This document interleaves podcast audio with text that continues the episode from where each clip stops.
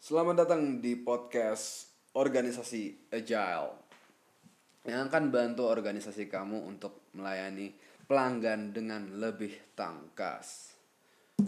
Saya Rizky Saiful, salah satu kontributor agilecampus.org yang juga seorang trainer Agile Software Development.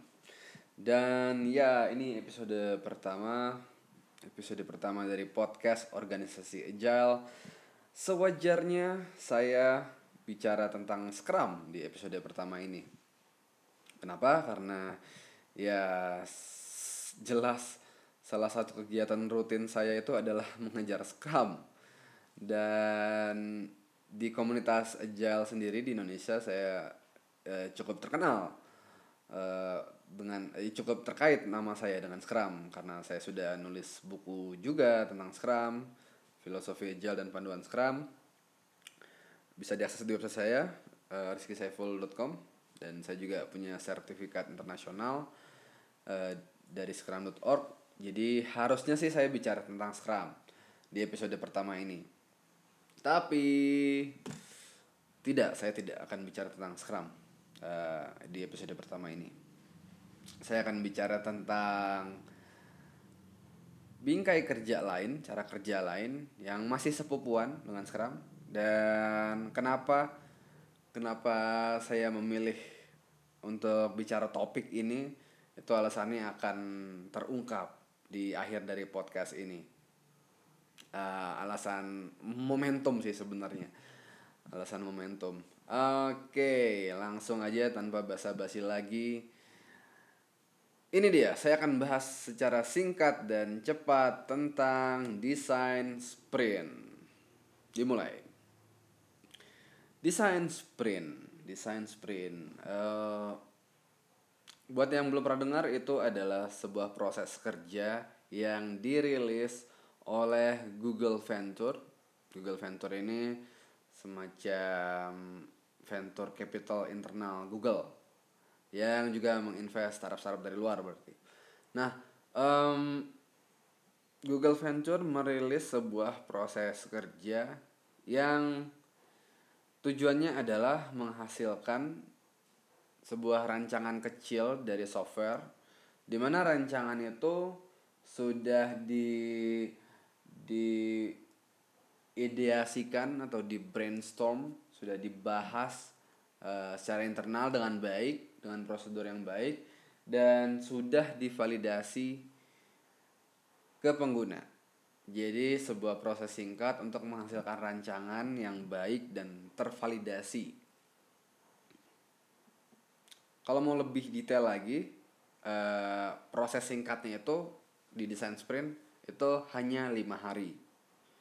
Dan bentuk rancangannya itu bahkan menurut desain sprint ya itu bahkan sudah dalam bentuk prototype jadi benar-benar mirip dengan software tapi kalau bisa itu tanpa satu baris kode sama sekali jadi e, bentuknya prototype cuman rangkaian gambar yang dihubung-hubungkan nah e, lima harinya itu apa uh, aku bakal jelaskan secara singkat. Ini bukan penjelasan detail. Jadi kalau ingin belajar lebih detail tentang desain sprint mungkin bisa buka agilecampus.org. Itu aku juga sempat bikin tulisan singkat. Ada grafik yang bagus di sana. Ada grafik yang cukup menarik, cukup detail. Tapi di podcast ini bakal di skimming saja secara cepat. Skimming itu bahasa Indonesia-nya apa ya? Oke, belum tahu. Oke, jadi lima hari desain sprint. Eh, apa-apa saja yang terjadi di sana? Pertama, persiapan ya. Persiapan ini maksudnya eh, sebelum hari pertama dimulai, kita tuh menyiapkan pertama adalah ada sekelompok orang yang nanti akan ikut di proses desain sprint. Orang-orang ini bagusnya mewakili banyak-banyak pihak yang yang terkait ke pengembangan dan perilisan uh, software. Contoh ya, contoh ya kalau dari panduannya desain sprint itu kayak ada desainer, CEO, ada product manager, ada mungkin or orang yang expert tentang bidang uh, bidang software tersebut gitu dari sisi user. Contoh misalnya software software tentang medis. Nah uh, bisa diundang nanti di desain sprint itu kayak uh, pakar kesehatan publik gitu penyuluh kesehatan publik ya apa pun itu. Intinya sekelompok orang ini mungkin nggak juga banyak banget kali ya. Jadi uh, asal bisa asal masih bisa ngobrol diskusi dengan sehat ya mungkin maksimum 9 mungkin ya. Nah uh, itu satu orang-orang yang nanti ada di desain sprint nah satu lagi ada satu orang yang menjaga proses desain sprint kita menyebutnya fasilitator pastikan ada satu orang yang jadi fasilitator tentu dia harus mengerti tentang desain sprint dan Oh ya, jangan lupa pastikan jadwal orang-orang ini uh, lima hari ke depan ini kosong. Karena penting untuk dap, uh, ikut secara intens di proses desain sprint ini. Ya, kita lalu masuk ke hari pertama, yaitu understanding. Di sini di hari pertama fokusnya adalah berembuk menentukan masalah bersama. Jadi di hari pertama di ending dari hari pertama ini harapannya sudah ada kesepakatan dari tim terkait masalah apa yang harus kita pecahkan. Lalu metrik apa yang perlu diukur untuk memecahkan masalah tersebut. Dan simple sih. Kita biasanya mulai dengan uh, langsung state uh, masalah yang yang yang langsung terasa gitu ke kita yang yang yang konkret contoh kayak uh, oh revenue-nya turun atau um, oh uh, ya user user engagement-nya tiba-tiba turun gitu dari sisi dari sisi fitur ini tiba-tiba turun user engagement-nya. Dan itu kan masalah yang yang langsung kelihatan gitu.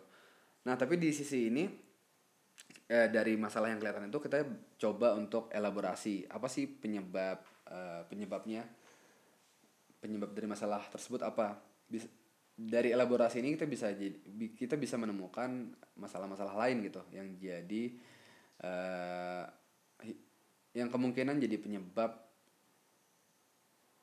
turunnya revenue atau turunnya user activation.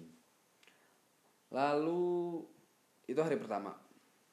Eh, lebih ke brainstorm dan ngobrol dan di hari kedua baru nampaknya sudah mulai uh, beraktivitas hari kedua itu diverging di hari kedua tujuannya adalah menghasilkan sebanyak mungkin solusi dari akar masalah yang sudah disepakati di hari pertama. Dan ini menariknya uh, di hari kedua ini meskipun kita ngomongin bakal ada solusi eh, di hari kedua ini bakal minim ngobrol-ngobrol. Jadi bakal minim ngobrol ini eh, proses di hari kedua ini kebanyakan eh, kontemplasi dari masing-masing orang untuk eh, ideasi untuk cari ide. Eh, memang Jack Knapp si pencipta dari desain sprint ini bilang kayak brainstorming yang asal rapat terus asal ngobrol itu nggak nggak nggak nggak efektif sebenarnya. Jadi kebanyakan inovasi itu dimulai justru dari individu yang berimajinasi sendirian tanpa diganggu. Nah uh, itu terlihat dari di desain sprint itu, itu terlihat di hari kedua. Di hari ketiga istilahnya tuh di desain uh, sprint itu namanya deciding di hari kedua ini akan ada ya yeah, sorry di ending dari hari kedua itu bakal ada banyak opsi solusi. Nah opsi solusi itu jadi masukan di hari ketiga di deciding yang intinya itu bakal memutuskan di antara opsi opsi solusi tersebut eh, mana yang akan dicoba untuk dijadikan prototype dan divalidasi.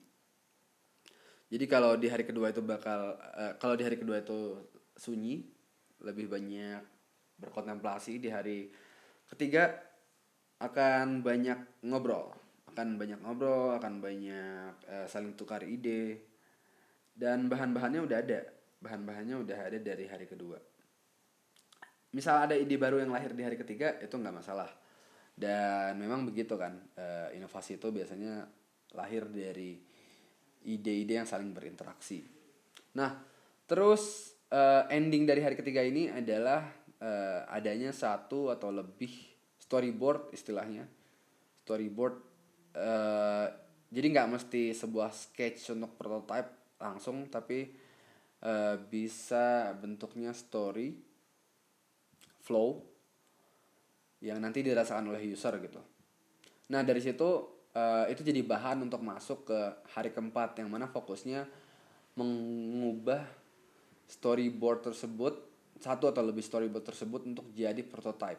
Prototype yang bisa di tes nanti bisa divalidasi. Prototype yang semirip mungkin dengan software. Uh, ini cukup jelas ya. Jadi uh, nanti di sini bakal banyak uh, desain terus uh, kerjaan membuat prototype, prototype di sini mungkin akan didetailkan di uh, rancangan yang lahir dari hari kedua dan hari ketiga. Nah, ending dari hari keempat ini itu ada muncul uh, sebuah prototype atau sebu satu atau lebih prototype yang sudah bisa dites. Bisa ditebak di hari kelima itu adalah proses validasi makanya namanya validating di hari kelima ini uh, di sini kita fokus uh, mendapatkan yang pertama ya. Kan tadi di hari pertama di, di disebut bahwa ada metrik ada metrik yang disepakati itu uh, jadi poin penting gitu untuk dimonitor. Nah, metrik ini kita langsung tanyakan ke pengguna, ke beberapa pengguna yang mencoba prototipe yang kita kerjakan di hari keempat. Itu kita bisa tanyakan langsung di hari kelima ini. Dan itu satu. Jadi untuk mengukur seberapa rancangan kita memecahkan masalah. Nah, tapi nggak cuma itu. Uh, ya di, bisa dibilang sih mumpung ketemu dengan uh, beberapa responden gitu dari pengguna uh, kenapa enggak kita minta masukan-masukan dari pengguna uh, apa apa yang mereka harapkan dari software uh, ini gitu dari dari prototype software ini. Apa yang kurang? Uh, ada nggak masalah yang yang yang belum kita tahu gitu yang uh, ternyata penting buat user? Nah uh, dari hari ini kita memanen banyak uh, informasi. Dan informasinya satu uh, ter yaitu itu tadi ya uh, terkait dengan rancangan yang sudah dikerjakan di satu sesi sprint ini di uh, empat hari ke belakang itu kita tahu uh, responnya apa positif atau negatif kalau positif ya ya mungkin uh, sesuai dengan ekspektasi di awal karena memang tim pikir ya rancangan yang ditentukan di hari ketiga itu yang terbaik gitu buat dites. Tapi bisa juga hasilnya negatif. Jadi ternyata yang ditentukan oleh tim di hari ketiga itu nggak sebagus yang dikira. Itu bisa juga. Dan temuan itu dua-duanya bermanfaat, dua-duanya valuable. Lebih-lebih karena itu belum jadi kode. Kayak belum dikerjain, belum belum menghabiskan resource berbulan-bulan gitu untuk bikin uh, itu dalam bentuk software tapi udah langsung ditemukan kalau itu eh, nggak uh, disukain sama user atau mungkin disukain tapi uh, uh, flow rancangannya agak sedikit beda. Nah itu bisa bisa kita dapat langsung pas di proses validasi ini. Nah uh, kedua kita juga bisa dapat uh, insight baru uh, masukan baru. Yang intinya sih masukan-masukan di hari kelima ini bisa jadi bahan untuk iterasi desain sprint berikutnya di minggu depan di lima hari yang ke depan bisa jadi masalah bersama baru. Masukan-masukan dari uh, desain sprint hari kelima ini. Nah karena ini cuma lima hari dan iterasi sebenarnya pendengar mungkin bisa menebak kalau desain sprint ini tidak membahas software uh, secara besar. Jadi potongan potongan-potongan kecil software aja. Jadi uh, fok ya ya dengan dengan dibukanya dengan masalah ya dengan uh, desain sprint ini dibuka dengan masalah kita bisa tahu kita jadi tahu sih kalau ini akan fokus di uh, satu atau dua fitur. Jadi fokus di potongan kecil software. Bukan software secara gede uh, di awal gitu. Nah, ini artinya uh, desain sprint ini bisa dilakukan berulang-ulang, berkali-kali, uh, beriterasi, uh, ya bisa dilakukan iteratif. Dan bisa aja dalam beberapa iteratif tuh solve masalah yang sama gitu. Solve masalah uh, bersama yang sama. masalah bersama yang sama, ribet banget. Nah, uh, harapannya dengan desain sprint ini, iterasi desain sprint ini dilakukan terus-menerus, makin lama uh, software bentuk software tuh jadi makin matang yang mana soft, bentuk software udah matang udah dapat respon yang bagus dari pengguna tapi bahkan software itu belum ditulis di kode belum dikerjakan uh, sama sekali. Yang artinya ini menghemat sekali uh, proses pengembangan software secara umum. Nah itu uh, kenapa? Desain sprint ini memang ya harus dibahas di Agile Campus. Nah, lalu lalu lalu lalu kita ya udah itu aja desain desain sprint eh, lima hari. Dan udah simple kalau kamu ingin tahu lebih detail kamu bisa akses eh, G V eh, atau mungkin pakai bahasa Indonesia aja ya paling G V gv.com garis miring sprint. Itu websitenya Google Venture. Bisa langsung googling aja juga bisa. Dan bukunya sebentar lagi akan dirilis. Ini kayak sebenarnya udah lahir dua atau tiga tahun ke belakang ya lupa. Dan sempat ngetren dulu pas awal lahir terus uh, sempat redup. Nah dengan lahirnya buku ini uh, tebakanku akan ngetren lagi nih desain sprint. Uh, pengalamanku di desain sprint ini dulu sempat riset. Jadi desain sprint abis-abisan mempelajari oh kayak bikin bikin mind mapnya gitu bisa diakses di ajalkampus.org uh, eh, ada postingan terbaru tentang desain sprint. Dan ya aku uh, aku riset abis-abisan soalnya aku kayak pengen ngenalin ini ke klien uh, yang aku latih waktu waktu itu. Aku pengen ngenalin ini aku riset aku pelajarin. Saya nggak lama sih di sana cuman sebulan. Jadi nggak uh, belum belum selesai sebenarnya proses pengenalannya nah uh, tapi kalau kamu penasaran banget sebenarnya pas karena ya inilah alasan kenapa saya memilih topik desain sprint gitu buat episode pertama podcast ini itu karena besok saya akan memberikan workshop tentang desain sprint di Bandung. Jadi kalau kamu di Bandung atau di Jakarta uh, dan pengen belajar tentang desain sprint, besok bisa datang ke Koenko. Eh bukan, sorry, ke Free Innovation Dago, Bandung. Itu venue-nya yang mengadakan uh, acaranya itu kolaborasi.co bisa diakses di kolaborasi.co garis miring open strip incubator. Pakai bahasa Inggris open strip incubator. Nah eh, di sana bisa dilihat eh, ya di sana juga bisa diakses link pendaftarannya gitu. Kalau mau ikut acara workshop saya tentang desain sprint. Itu saya akan mensimulasikan desain sprint dari hari pertama sampai hari kelima. Benar-benar semuanya disimulasikan sampai prototypingnya juga disimulasikan uh, validasinya juga disimulasikan. Dan dengan mas dengan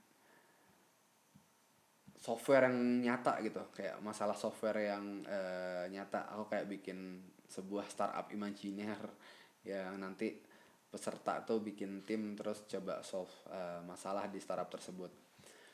Oke okay, uh, itu akhir dari episode pertama podcast organisasi agile. Nah uh, ke depannya aku sarankan kamu untuk subscribe di iTunes dan di Android jadi nggak ketinggalan episode-episode terbaru dari podcast ini. Dan format podcast ini ke depannya bisa berbagai macam. Bisa uh, kayak sharing ilmu langsung atau sharing uh, artikel atau bah atau review buku atau mungkin interview atau mungkin ya apa pun itu. Jadi intinya kalau rajin dengar podcast ini harapannya sih uh, organisasi kamu jadi makin cepat dalam melayani pelanggan. Khususnya kalau kamu menggunakan software. Oke, sampai jumpa di episode berikutnya. Bye.